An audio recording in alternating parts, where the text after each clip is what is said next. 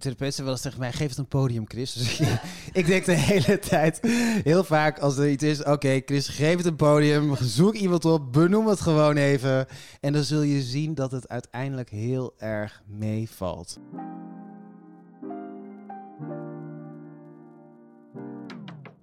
Welkom bij Bankhangen, de Jongerenambassadeurs podcast. Mijn naam is Veerle en ik ben jongerencoach bij Jongerenambassadeurs.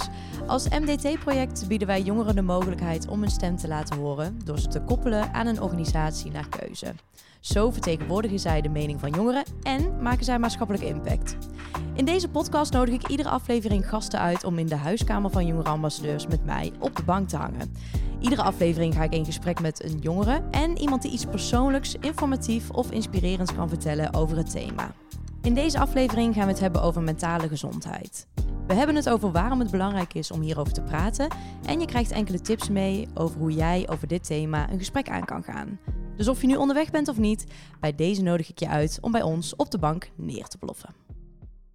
Leuk dat je weer luistert naar onze podcast. Misschien ben je aan het luisteren terwijl je aan het wandelen bent, in de trein zit, of misschien wel net zoals wij op de bank aan het hangen bent. En vandaag heb ik twee uh, gasten op mijn bank hangen. Dat zijn namelijk Naomi en Chris. Welkom. Dankjewel. Dankjewel. Zouden jullie zelf even voor kunnen stellen? Naomi. Ik ben Naomi, ik ben 18 jaar en ik zit in mijn laatste jaar van de HAVO. Uh, in mijn vrije tijd ben ik blogger bij scholieren.com en sinds kort jongerenambassadeur bij GGD Regio Utrecht. Superleuk, oké. Ja, ik ben Chris. Ik woon in Amsterdam. Ik ben geboren in Friesland. Ik ben uh, 41. En uh, ik werk uh, bij de gemeente Den Haag. Ik doe daar allerlei beleidsdingen, ook op het gebied van mentale gezondheid en wonen. En daarnaast werk ik bij 113 Zelfmoordpreventie. Daar ben ik kwartiermaker LHBTIQ+. Ik wil eigenlijk beginnen met een, uh, een beetje een informele vraag... die eigenlijk in uh, de trant van onze podcast is. Namelijk, wanneer hebben jullie voor het laatst echt op de bank gehangen? En Chris, dan begin ik even bij jou. Dat was uh, afgelopen weekend. Ja, ik heb sinds kort een hele leuke vriend, dus ik ben heel ver verliefd. en wij hebben afgelopen weekend heel lang op de bank gehangen. Dus we hebben lekker films gekeken. Het was heel gezellig. Heel fijn. En goed gezelschap. Dat en is ook goed heel gezelschap. Belangrijk. Heel ja. goed gezelschap, ja. Oké. Okay. Naomi? Uh, nou, ik was vorige week klaar met mijn toetsweek. En toen dacht ik, oké, okay, ik ga niks meer doen. en gewoon lekker serie kijken. Ja. Groot gelijk. En heb je een uh, nieuwe serie die je aan het bingen bent? Ja, Grey's Anatomy. Het is echt verschrikkelijk. Het is zo lang, maar het is wel heel leuk. Nou, daar ben je voorlopig wel even zoet mee, uh, Zeker, denk ja. ik. Oké, okay, top. Um, vandaag gaan we het eigenlijk hebben over een, uh, nou, misschien best wel kwetsbaar thema. Een thema wat eigenlijk, uh, nou ja, waarvan wij vinden dat er veel meer over gepraat zou moeten worden. Namelijk mentale gezondheid. Um, best een breed begrip, dus daarom zou ik eigenlijk even eerst aan jullie willen vragen: wat betekent voor jullie mentale gezondheid? Hoe zou je dat zelf definiëren? Ja, nou, als ik aan mentale gezondheid denk, denk ik wel iets. Ja, mensen denken dan gelijk misschien aan mentale ongezondheid, maar ik denk ook gewoon aan iets wat iedereen eigenlijk heeft. Dus hoe zit je in je vel? Heb je veel stress? Dus het is eigenlijk best wel breed en ik denk dat iedereen daar eigenlijk wel dagelijks mee te maken krijgt. Ja, ik denk aan luisteraars nu die dan misschien thuis zitten en zich niet zo blij voelen. Het is wel goed eigenlijk wat je zegt, want ik denk heel vaak denk ik eerder aan mentale ongezondheid, dus als het niet goed met je gaat. Terwijl mentale gezondheid natuurlijk ook gaat uh, over blij zijn en vrolijk zijn en naar je zin hebben en gezien, uh, je, gezien voelen worden. Ik denk wel dat er een heel groot taboe ligt op mentale ongezondheid, om het zo maar te zeggen. En uh, ongezond is ook weer zo'n negatief labeltje, want iedereen mag zich soms wel eens rot of kut of kloten voelen. Dat is heel oké, dat heeft iedereen. Uh, misschien is het wel heel erg dat we maar denken dat we de hele tijd vrolijk moeten zijn, want dat maakt het misschien alleen maar erger. Ik denk dat dat taboe erop, het praten over dat het soms ook gewoon niet zo leuk is, uh, dat dat eigenlijk wel uh, dat dat maakt dat het voor heel veel mensen heel moeilijk is om daarmee om te gaan. Want daarmee blijf je soms maar in je hoofd zitten, in dat mentale. En dan kan je gaan malen, piekeren. Ja, wat moet je dan eigenlijk doen? Ga je bank hangen? Op een gegeven moment is het bankhangen geen ontspanning meer maar meer in een soort verveling of zit het je dwars en uh, ja, dus ik denk voor ik, ik denk in heel veel kamers in Nederland dat het echt een heel groot probleem is. Ja. Ja, dat ben ik wel met je eens. En ik vind het wel heel mooi wat jullie hier aanstippen. Namelijk um, dat het niet alleen de ongezondheid is, maar inderdaad ook juist die andere kant. En dat we misschien wel voor beide aandacht moeten vragen. Dus niet alleen voor, goh, wat doe je nou als je niet zo lekker in je vel zit? Maar ook de andere kant. Hoe kun je zorgen dat die fijne momenten en, en die blije gedachten, dat die ook blijven. En dat die er, nou ja, ook mogen zijn. Ja, goed. En hebben jullie zelf ook ervaringen ehm, op het gebied van mentale gezondheid of ongezondheid? Ja, ik uh, ben opgegroeid in een, klein dorpje in Friesland. En uh, dat was eigenlijk helemaal niet zo leuk. Er woonden, er wonen denk ik 4.000, 5.000 mensen. En dat is uh, Harkema heet het dorpje. Ik trouwens, mijn hele familie woont daar. Ik heb hele lieve familieleden. Maar het was een dorpje waar je gewoon niet anders kon zijn. En uh, dus, dus je moest, je moest als jongen hoorde je te voetballen, had je Nike's aan, had je, was je grof in de bek, zoals ze dat dan daar noemen. Um, en ja, ik viel gewoon buiten de boot ook een beetje. Later kwam ik wel eens iemand tegen van uh, school, die, of mijn moeder sprak met een meisje die op mijn school had gezeten. En die zei, Chris vond ik altijd zo stoer. Zo had ik er zelf nog nooit naar mezelf gekeken. Want ik dacht, ik ben een sukkel, waardeloos. Ze scholden me uit voor flikker, nicht, homo, weet ik veel wat. Uh, omdat ik gewoon niet uh, in hun beeld paste van hoe een man of een jongen zich hoorde te gedragen. En uh, er werd niet over gesproken, sowieso niet over mentale gezondheidsproblemen, sowieso niet over als het niet goed met je gaat. Je moet gewoon flink zijn, kop ervoor, geen gezeik, doorzetten. En uh, dat vond ik zelf in die tijd echt heel erg moeilijk. Dus ik, ik, ik, ik, was heel erg eenzaam ook. Ja, en denk je dat dat ook iets te maken heeft met dat het dus al even geleden is, dat er toen misschien nog minder over gepraat werd? Zie je dat nu anders? Weet ik eigenlijk niet. Want misschien in het algemeen wel uh, uh, dat er nu meer televisie, televisieprogramma's zijn over, enzovoort, enzovoort, enzovoort. Maar ik denk altijd in mijn werk ook, ik denk hiernaast woont een jongen of een meisje of iemand die zich niet uh, blij voelt, eenzaam is. En ik denk dat voor die persoon ook de drempel om hulp te zoeken, om het aan te kaarten, even moeilijk is als hoe dat voor mij was. En ik denk dat de omgeving daaromheen nog steeds ook liever soms het er niet over gaat hebben, niet aan, aan de ander vraagt, hey joh, hoe gaat het met je? Kan ik iets voor je doen? Dus ik weet, ik, ik, ik weet, ik weet niet of het nu beter is dan toen. Nee, nee inderdaad. Oké. Okay. Naomi, heb jij zelf ook uh, ervaringen? Ja, zeker. Nou, op uh, het, de eerste keer dat ik me kan herinneren was toen ik zeven was. Toen uh, kreeg ik voor het eerst te maken met uh, gedachten. en daarna, daar, werd, daar heb ik nooit over gesproken, want ik dacht dat het normaal was. En ik ging me juist heel erg afzonderen. En daardoor ging me eigenlijk steeds slechter voelen. En ik maakte wat trauma's mee. En ik ben ook wel toen in de hulpverlening terechtgekomen. Maar daar voelde ik me ook niet echt gehoord. Want ze dacht van, oh, dat, het is stress en het komt door school of zo. En uh, ja, pas echt de laatste paar jaar ben ik daar echt wel wat actiever over gaan praten. En dat ik er wel opener naar ben in mijn omgeving, zeg maar. Ja. En nou, jullie hebben dus beide perioden gehad dat het even wat minder ging.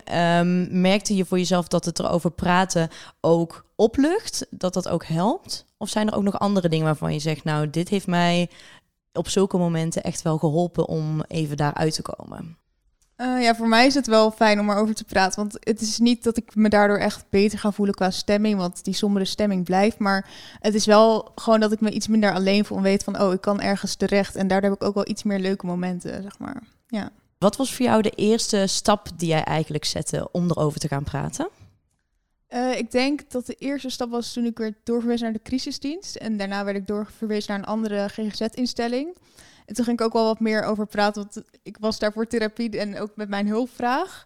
Alleen daar voelde ik me ook niet echt gehoord. Dus toen vond ik het heel fijn om met een van mijn docenten te praten over hoe ik me voelde. En dat was ook iets toegankelijker, want die stap voelde ook gewoon minder groot. Ja.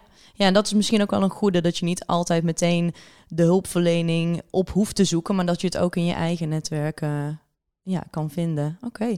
Chris, heb jij dat ook zo ervaren? Ja, ik denk toch misschien dat het wel iets beter is geworden. Want uh, als ik jou zo hoor praten ook over wat je beleefd en meegemaakt, dan denk ik, oh ja, dat op mijn 18e deed ik dat niet, kon ik dat niet op die manier.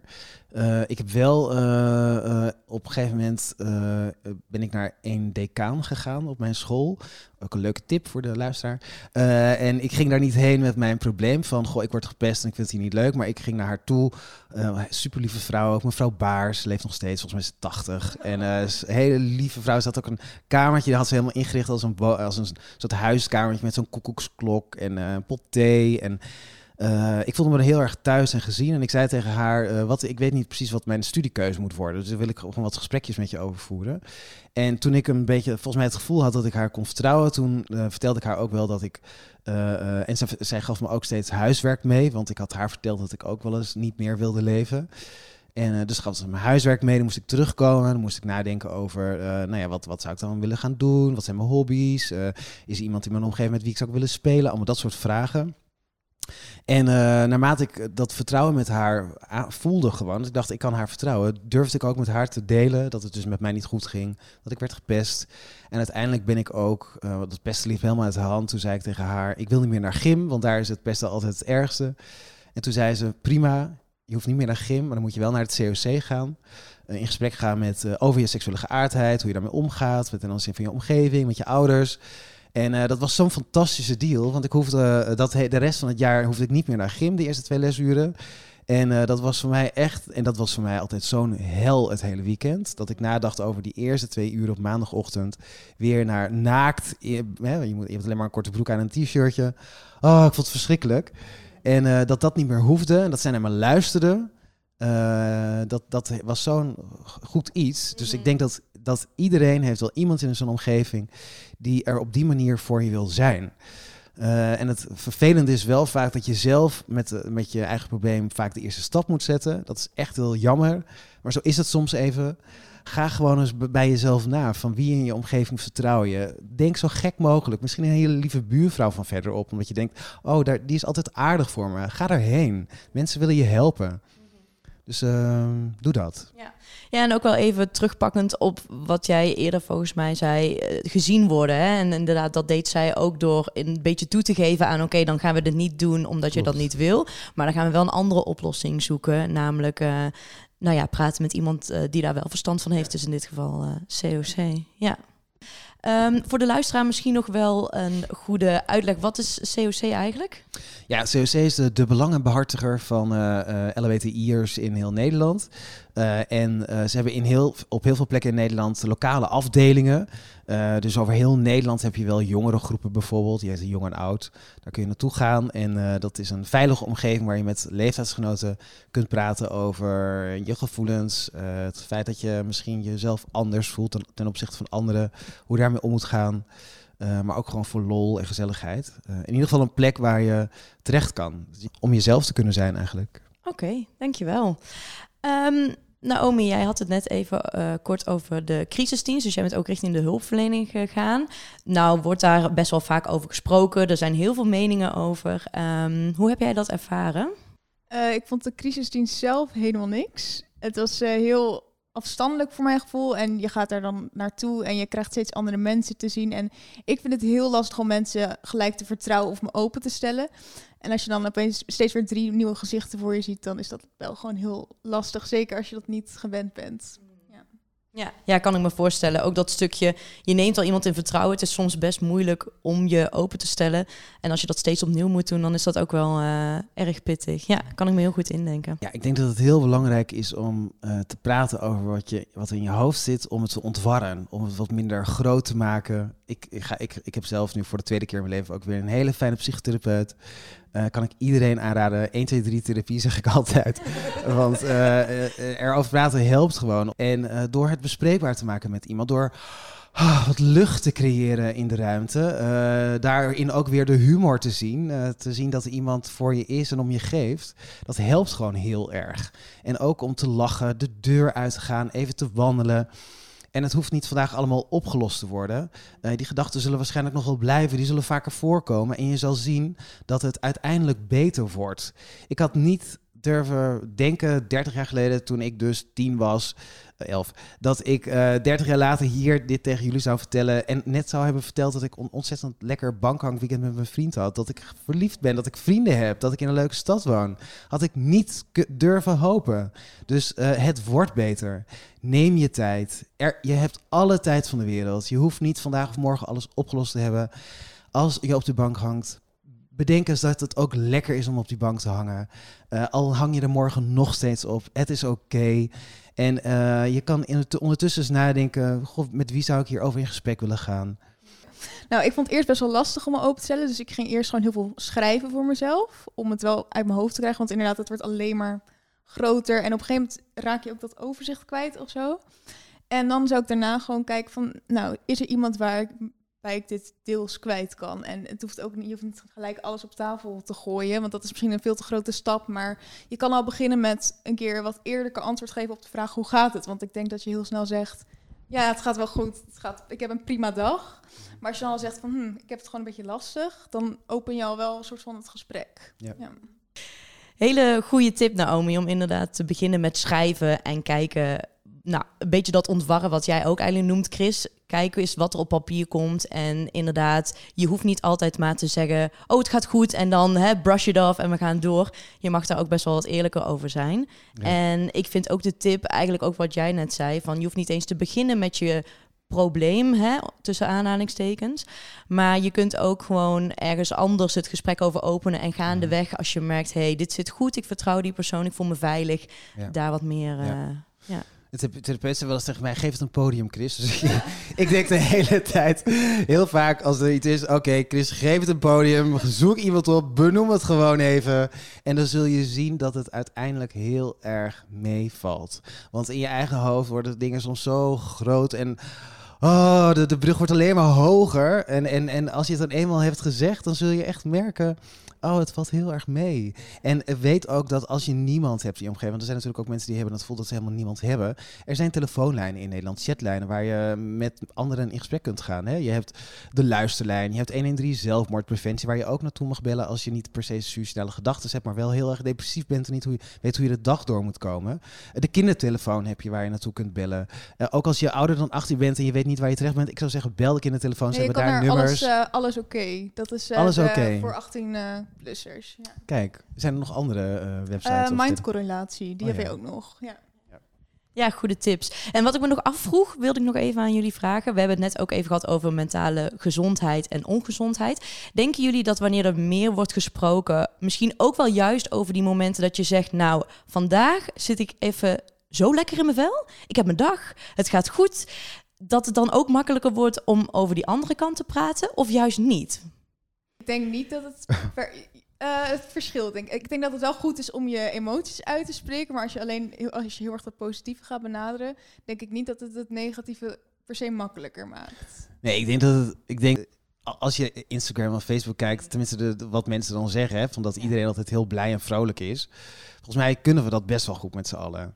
En eh, dat is ook fantastisch. En het leven moet ook gevierd worden. Dus als je blij bent, doe het, weet je. Voel je niet bezwaard, omdat eh, doe dat ook vooral. Eh, maar weet dat het niet voor iedereen altijd zo is dat hij vrolijk en blij is. En misschien, nou ja, als je post dat je heel blij bent, probeer ik te denken van, goh, wie in mijn omgeving zou dit, niet, zou dit moeilijk kunnen vinden als ik dit post? Schrijf die persoon een berichtje. Ga even een kopje koffie drinken of even een wandeling met die persoon maken. Je kan ook, eh, ook al ben je zelf super happy de peppy, eh, kun je misschien juist een hele grote steun zijn voor iemand anders, om iemand anders even uit te trekken. En iedereen heeft vast wel iemand in zijn omgeving die gewoon nu door een moeilijke periode gaat, door corona, door wat dan ook, of gewoon überhaupt wat moeilijker in het leven staat. Wat kun je voor die persoon doen? Heel veel door gewoon een simpel berichtje te sturen. Ik vind dat wel een hele mooie opmerking, want soms mensen die zich niet zo lekker voelen, kunnen zich soms ook nog schuldig voelen over ben ik wel een goede vriend of vriendin. En misschien moet je juist benadrukken voor jezelf, hey, op de momenten dat ik lekker in mijn vel zit. ehm, ja, mijn praktijkondersteuner zei altijd van een leeg dienblad kun je geen drankjes uitdelen. Dus op het moment Kijk. dat je denkt, nou ik heb een dienblad vol met drankjes, Ja. ga dan even checken bij een ander van hey, hoe gaat het eigenlijk Ja. met jou? Wil jij een kopje thee? Wil jij een kopje thee? Ja, nou, ja, dat vind ik ja. een hele mooie. Een Ja. kopje thee Ja, op de bank. Ja, ja vind ik ook. Hier volgt een reclameblok voor alle luisteraars die graag impact willen maken.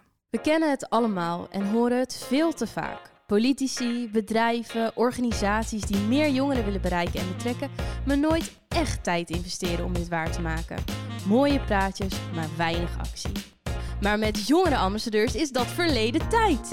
Jij gaat als jongerenambassadeur de stem van jongeren vertegenwoordigen bij een droomplek die bij jou past. Nooit meer oude mensen die voor jou bepalen wat jij belangrijk vindt. Want je krijgt zelf een plek aan de tafel. Altijd al advies willen geven, evenementen willen organiseren of een social media campagne willen opzetten? De mogelijkheden zijn eindeloos. Waarvoor wil jij je stem laten horen? Klimaat, mensenrechten, educatie, veiligheid, politiek, kunst, cultuur of wetenschap? Maak jij een regionale impact? Schud jij heel Nederland wakker? Of wil jij internationale allure? Het is ongelooflijk, maar waar. Jij bent slechts één aanmeldformulier verwijderd van de kans om jongeren een stem te geven. Dus waar wacht je nog op? App of bel nu naar 06 1853 0825. En als je nu contact opneemt, krijg je gratis karmapunten erbij. Wie wil dat nou niet? Jonge ambassadeurs is niet aansprakelijk wanneer de desbetreffende jonge ambassadeur na een traject maatschappelijke impact wil blijven maken. Die stem blijvend laat horen en ervaringen wil delen met andere jongeren, om zo de wereld jongerenproof te maken. We hebben het gehad over dat jullie zelf uh, ook hulp zijn gaan zoeken. Of in ieder geval uh, je hebben uitgesproken over het feit dat je niet lekker in je vel zit of dat je ergens uh, mee rondloopt. Bij wie ligt nu de verantwoordelijkheid om meer aandacht te besteden aan mentale gezondheid? Naomi, wat is jouw idee daarover? Uh, ik denk dat school hier heel veel in kan betekenen. Want ik heb op school nog nooit over mentale gezondheid geleerd. En het is superleuk als we over wiskunde en aardrijkskunde leren. Maar uh, mentale gezondheid is zo belangrijk. En het is ook, dat ga je je hele leven tegenkomen. Maar bijvoorbeeld ook thuis is het belangrijk, denk ik, om dat gesprek te kunnen openen. Want vroeger kon ik niet echt over emoties praten thuis. En dat is wel lastig als je dat niet meekrijgt als jong kind. Maar ik denk dat bij elke instantie kan wel iets doen aan mentale gezondheid. Ja, ja eens. Chris, hoe denk jij erover? Uh, ja, ik denk dat de verantwoordelijkheid bij iedereen ligt. Ik denk vooral bij ons, uh, omdat we, ja, we hebben toch ook mensen in onze omgeving die met wie het niet goed gaat. Dus als we allemaal naar elkaar omkijken, dat verhaal een beetje.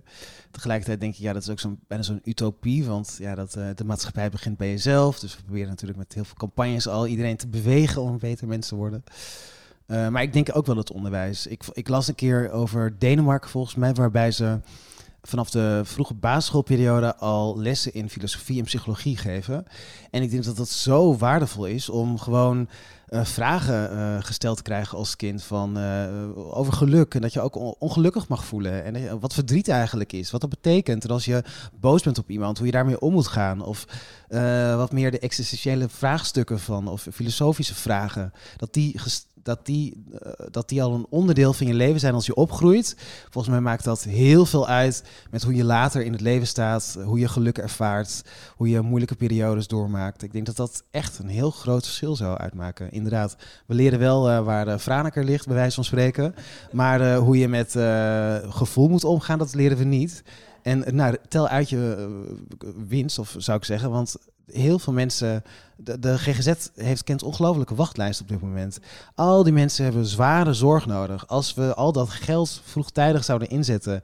door gewoon bijvoorbeeld in het onderwijs te investeren. volgens mij los je dan op de latere termijn echt heel veel problemen op. Ik denk ook dat je, het hoeft ook niet meteen heel zwaar te zijn. Hè? Je noemt de basisschool, dus alleen al als je kinderen zou leren, goh, je kan erover praten. Is dat niet thuis, dan is dat misschien wel met een decaan, een leraar, een vriend of vriendin. En dat die emoties er mogen zijn, inderdaad. Of dat nou blij is of verdrietig, dat dat al een heel groot verschil kan maken. Ja. En je, als je luistert, jij kan ook een verschil maken hè? door gewoon, uh, je luistert nu al, daarmee doe je al iets of zo. Dus je bent, uh, ja, voel je niet onmachtig omdat het zo'n groot maatschappelijk probleem ergens ook is. Nee, je bent je kennis nu al aan het vergroten eigenlijk. Deze podcast heet natuurlijk Bankhangen. En in dat thema heb ik nog drie vragen aan jullie. De eerste zal zijn: ja, met wie zou je eigenlijk graag willen bankhangen? Daarna, wie moet er op de reservebank worden gezet? Een beetje zoals met de sport. Hè? Je staat niet in de basis, je zit even op de reservebank. En als laatste, wie moet er terug naar de schoolbanken? Dus wie moet er nog wat, uh, wat bijleren, misschien wel rondom dit thema? Nou, als allereerst gaan we even naar met wie zou je bank hangen? Naomi. Ja, nou daar moet, bij moet ik denken aan Melissa. Melissa die heeft haar eigen ervaringen ingezet om benefietconcerten te organiseren, om het taboe op uh, mentale gezondheid te verbreken. En met de opbrengst heeft, ze, heeft ze aan Stichting Mind gegeven. Dus dat vind ik wel heel inspirerend, dat je dan je eigen ervaring op zo'n manier kan inzetten. En dan ook met hetgeen wat je leuk vindt, muziek. Dus uh, dat is wel heel verbindend. Ze heeft ook een Instagram voor de benefietconcerten, Resound Mind en Unsound Mind. En uh, Unsound Mind is waar ze de eerste benefietconcert mee heeft gehouden. En Resound Mind is er later bijgekomen. Dus uh, daarop kun je daar vinden. Zeer inspirerend uh, persoon wordt dat dan ook. Ja, ja. zeker. Ja. Okay. Mooi. Uh, ik zou wel bank willen hangen met de luisteraar die zich nu eenzaam voelt. En gewoon of stil zitten of gesprekje voeren. Hoe gaat het? Eh, weet je, wat maak je mee? Dat, eh, met die persoon zou ik wel willen bankhangen. Mooi. Dan de tweede vraag. Wie moet er op de ja, zogenaamde reservebank worden gezet? Volgens mij heeft Naomi daar al een idee eh, van. Vertel. Eh, ik heb eh, de GGZ in mijn hoofd. ja, vooral. ik zeg niks over de hulpverleners, want die bedoelen het allemaal supergoed. Maar er zijn denk ik echt wel wat dingen die anders kunnen. Want ik heb nou zoveel mensen gezien. Je ziet steeds andere mensen. Je krijgt steeds andere diagnoses, niet passende behandelingen. Dus eh, af en toe kan daar nog wel eh, wat verbetering in eh, plaatsvinden. Ja, Even een pas op de plaats en even nadenken over eh, welke weg moeten we inslaan. precies. ja. Eh, ja, ik denk, ik denk ook het hele systeem eigenlijk. Maar misschien moeten die gewoon ook alweer terug de schoolbanken in. eh, maar goed, daar, daar moet ik dan ga ik dan anders voor denken. Maar inderdaad, dat hele systeem moet de- ja, dat, dat zou op de schop moeten. Veel menselijker, dichter bij eh, ook jongeren uiteindelijk op school. Eh, waarom, wat is er gebeurd met al die schoolmaatschappelijk werkers die er vroeger waren? Decanen die tijd hadden, waar de deur open stond. Eh, ja. Ervaar jij dat ook zo? Dat het wat meer, eh, ja, net noemde je al, menselijker zou moeten zijn? Ja, het is gewoon heel, soms heel afstandelijk en allemaal volgens protocollen. Wat ik heel vervelend vind. Zeg maar, er wordt niet heel erg meer gekeken naar de persoon zelf. Het is wie zit er voor me en wat heeft diegene nodig. Het is meer van, dit is wat er goed is, want dit heb ik geleerd. Eh, ja, ik denk dat het nu wel een probleem is dat hulpverleners het allemaal vanuit hun kennis doen, maar niet vanuit hun gevoel. En dat er ook niet helemaal wordt gekeken naar wie er voor zich zit en wat diegene nodig heeft. Ja, ik ben zelf eh, ook wel als maatschappelijk werker op, opgeleid. En ik, bij, een, mentor zei ooit tegen mij van het, eh, als maatschappelijk werker moet je eigenlijk achterover gaan hangen en de ander gewoon laten vertellen. Gewoon, wat kan ik voor je doen? Hoe was je dag? Eh, en tegenwoordig zit het al zo in protocollen. eh, en ik chargeer nu wel een beetje hoor. Want er zijn ook hulpverleners die dat niet doen. Maar ik denk wel dat het werk als maatschappelijk werker, als psycholoog of psychotherapeut, is echt, denk ik, niet meer zo leuk als dat misschien ooit was. Toen ik opgeleid ben als maatschappelijk werker. Van dat je gewoon de tijd hebt voor iemand. En met naast iemand kan staan, een beetje met iemand mee kan wandelen. Dat als het niet tien gesprekken eh, duurt voordat je een oplossing hebt, dat het twintig is, dat het ook oké is. Iedereen heeft een eigen pad te bewandelen. En eh, dat je ook vooral de ander kan vragen: wat kan ik voor jou doen? Wat heb je nodig? En dat je daarop met, met iemand mee kan varen. In plaats van moet zeggen: nee, het kan niet, want het systeem laat het niet toe. Of mijn protocol laat het niet toe. Of dat mag niet. Of je vindt daar zelf weer wat van. Ehm, ja. Het is natuurlijk wel belangrijk dat als iemand zich echt niet, ehm, nou in ieder geval er niet zelf uitkomt, dat je dan wel richting de hulpverlening eh, gaat. Dus ehm, het zit inderdaad, het is, een, het is een dilemma. Want aan de ene kant, wat, wat jullie eigenlijk volgens mij willen zeggen, is het zou fijner zijn als er gewoon wat meer tijd was en niet continu dat eh, er moet heel veel nog eh, qua administratie of er is geen geld of inderdaad we zitten in een systeem. Dus als het wat menselijker zou zijn, dat zou enorm helpen. Ja, dat denk ik wel, toch? Ja, zeker. En er zijn ook echt wel mensen die het supergoed doen en wel van die dingen af Ja. willen wijken, inderdaad hoor. Ja. Ja, het gaat echt met name over het systeem. Dus niet over de hulpverlener zelf, maar over het feit dat, dat, dat, dat het hele systeem gewoon heel erg vast zit. Als je nu eh, als je de, een depressie hebt en je, je, wil daar, je gaat vandaag naar de huisarts met een verwijzing, nou dan ga, ben je echt morgen niet bij iemand terecht. Dan zit je morgen nog steeds thuis. Dus het is nog een half jaar of een jaar misschien wel voordat je ergens terecht kan. Hoe gaat zo iemand dat half jaar overle eh, over, overleven? Nou, ik denk dat dat hele systeem beter kan. Nou, ik denk dat we het erover eens zijn dat ze sowieso op de reservebank moeten. Al is het maar om even allemaal na te denken met z'n allen voor hoe gaan we dit verbeteren. En hoe gaan we ervoor zorgen dat iedereen de hulp eh, krijgt die die verdient en, eh, en nodig heeft. Dan de laatste vraag in de sector banken. Wie moet er terug naar de schoolbanken? Chris. Eh, nou, ik denk dat we eigenlijk iedereen dus nodig hebben. Maar terug naar de schoolbanken eh, laat eigenlijk zien van dat je nog eh, les nodig hebt of zo. Misschien is het wel het kabinet dat ook de schoolbanken in eh, terug moet. Door gewoon met de formatie zometeen met een radicaal ander, andere koers te komen. Op het gebied van de aanpak GGZ, mentale gezondheid. Hoe om te gaan met de diversiteit in de samenleving. ruimte daarvoor te maken. Eh, harde taal in de Tweede Kamer gewoon keihard af te wijzen. Eh, doe gewoon lief eh, naar elkaar. Heb respect voor elkaar. Zo wil je toch ook dat je hier op straat met elkaar omgaat. Ehm, dat zou heel goed zijn, denk ik. Naomi, wie mag er van jou eh, terug naar de schoolbanken? ja, nou ik sluit me een beetje aan bij jou Chris. Eh, ik heb het ministerie van Volksgezondheid, Welzijn en Sport in mijn hoofd. Ik denk dat zij... er is, sinds een tijd is er marktwerking binnen de GGZ en dat betekent dat zorgverzekeringen zorgverzekeringen moeten concurreren om de goedkoopste zorg te geven aan uh, patiënten. En ik denk dat daar echt wel ook iets radicaals in moet veranderen. Want nu zijn mensen inkomstbronnen en niet mens zelf, zeg maar. Dus ik denk dat ze daar zich wel even in mogen verdiepen. Ja. ja. Ja, we zeiden het ook al eerder. Eigenlijk zou iedereen misschien wel die in de schoolbanken zit of vanuit de school wat meer informatie moeten krijgen over dit onderwerp. Dus eigenlijk moet iedereen uh, terug naar de schoolbanken, maar dan misschien vooral het kabinet op dit moment. We hebben in deze podcast al heel veel dingen besproken. Jullie eigen ervaringen, ehm, zaken waarvan wij denken dat ze beter kunnen. En de luisteraar die is denk ik ook volop aan het nadenken over mentale ongezondheid en mentale gezondheid.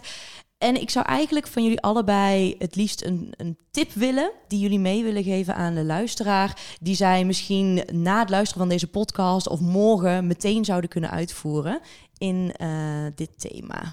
Chris, heb jij een tip voor onze luisteraars? Uh, nou, misschien een paar. Kijk Sex Education op Netflix. Uh, want dat helpt het ontwarren en er zitten leuke verhalen in. En het is denk ik heel herkenbaar. En dan zul je zien dat het leven ook maar gewoon het leven is, zoiets. Uh, koop een heel mooi schriftje ergens en een mooie pen. En wat jij ook al zei, Naomi, van ga dingen opschrijven. Probeer er woorden aan te geven. Of probeer te tekenen. of ga... Ehm, fantaseren ook. Ik merkte toen ik tiener was, toen ik had een, ik leefde een enorme fantasiewereld. Ik was presentator van een kinderprogramma en ik, ik, had heel, eigenlijk, ik had eigenlijk geen vrienden, dus ik had op mijn slaapkamer had ik een hele soort studio gebouwd in mijn hoofd. Hè? En dat, dat hielp me echt de dagen door. Ehm, ga de deur uit. Ga wandelen. Als, als je het moeilijk vindt om je eigen wijk te wandelen omdat je je daar onveilig voelt, pak de fiets. Ga kijken waar een leuk park is of een bos in de buurt. Of doe het wel veilig allemaal natuurlijk. Maar, uh, maar, maar ga naar buiten. Zoek die lucht op. Probeer, uh, mijn therapeut zegt wel eens van het wandelen in bossen onder bomen. Dat, dat schijnt, Japanse studie heeft dat uitgewezen, heel erg te helpen tegen depressie. waarschijnlijk is het ook als je bij water staat of er water heen kijkt. Graag probeer twee keer per week bijvoorbeeld de deur even uit te gaan. Even te wandelen, even die, die lucht te ruiken. En uh, dan voel je misschien ook dat je leeft. En um, uh, uh, als je er niet uitkomt, ga dan eens googlen op de website die je net noemde. Alles is oké. Of ga eens naar 113 zelfmoordpreventie. Er staan ook allerlei tips over hoe je een beetje de dag kunt doorkomen. Als je wilt chatten, kan dat daar ook. En ook op een andere website. Je kan met iemand bellen ook. Om er proberen woorden aan te geven.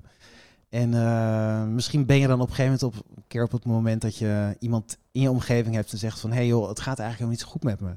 En uh, ik heb niet je oplossing nodig, maar wel even je luisterend oor. Mooi. En ik vind ook mooi dat de tips die je geeft eigenlijk ook vooral bestaan uit dingen die jij zelf al kan doen, zonder dat je meteen jezelf kwetsbaar open hoeft te stellen of op bij iemand uh, uh, je verhaal neer hoeft te leggen. Ik denk dat dat ook wel een mooie instapmoment is. Ja, dankjewel. Naomi, heb jij nog een uh, tip of tips? Nou, voor jezelf zou ik ga op zoek naar een uitlaatklep. Ik denk dat dat heel belangrijk is. Dus je zit natuurlijk heel veel in je hoofd en alles voelt gewoon heel naar en donker. En voor mij hielp het om iets te zoeken waarvan ik even, wegkom van al die dingen. Dus ik ging bijvoorbeeld muziek maken of met theater bezig zijn, dan kon ik even iets anders doen. Als je iemand anders wil helpen, probeer uh, te luisteren, maar ook echt oordeelvrij te zijn. Dat is moeilijk, maar het is fijn als je niet gelijk een waardeoordeel hangt aan hoe iemand zich voelt. Want dan voelt diegene zich veel meer op zijn gemak om iets te vertellen over hoe het gaat. Ja is wel leuk, wacht even, want, want uh, ik heb ooit een keer geleerd dat, uh, dat stel dat iedereen heeft wel een geheim, dus stel dat je nu gaat denken aan een, een, geheim wat niemand weet, en stel dat je dat geheim aan iemand zou willen vertellen, welke eigenschappen moet die persoon hebben om jouw geheim te kunnen delen? En dat gaat dan over oordeelvrij, kom niet met een oplossing, neem de tijd. En als je al die eigenschappen kan opschrijven van wat heeft de ander nodig om voor, voor mij om mijn geheim met die persoon te delen. Al die eigenschappen, probeer dat te geven aan degene die je wilt helpen. Dat is het enige wat je hoeft te doen. Dus je hoeft eigenlijk helemaal niet zo hard te werken. Je moet er gewoon zijn eigenlijk. Ja, gewoon aanwezig zijn ja. inderdaad. Ja. Mooie tip. Ook een hele mooie oefening inderdaad om mee te nemen.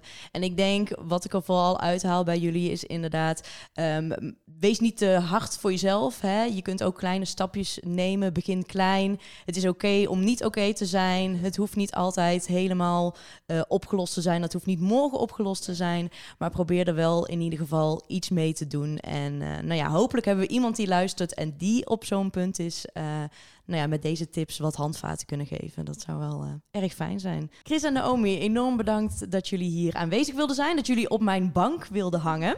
Ja, lekkere bank heb je. Ja, heerlijk. Goed, hè? Ja, Ja, voor de mensen die luisteren, jullie zien dat niet. Maar het is een prachtige bruine leren bank met een heel eh, lekker kleedje ligt er ook nog op. Ja, ik zou eens tegen mensen zeggen, kom ook eens bij Veerle op de bank hangen, toch? Het is echt gezellig. Dat is een hele goeie. Nou, ik eh, nodig jullie alle van harte uit. Ehm, bedankt voor het delen van jullie ervaringen, van jullie tips en kennis. Ik hoop dat we er eh, in ieder geval iemand eh, nou, een beetje mee hebben kunnen helpen.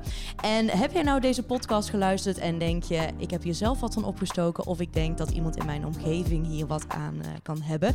Stuur hem dan ook vooral door naar deze persoon. En laat ons weten met wie jij zou willen bank hangen.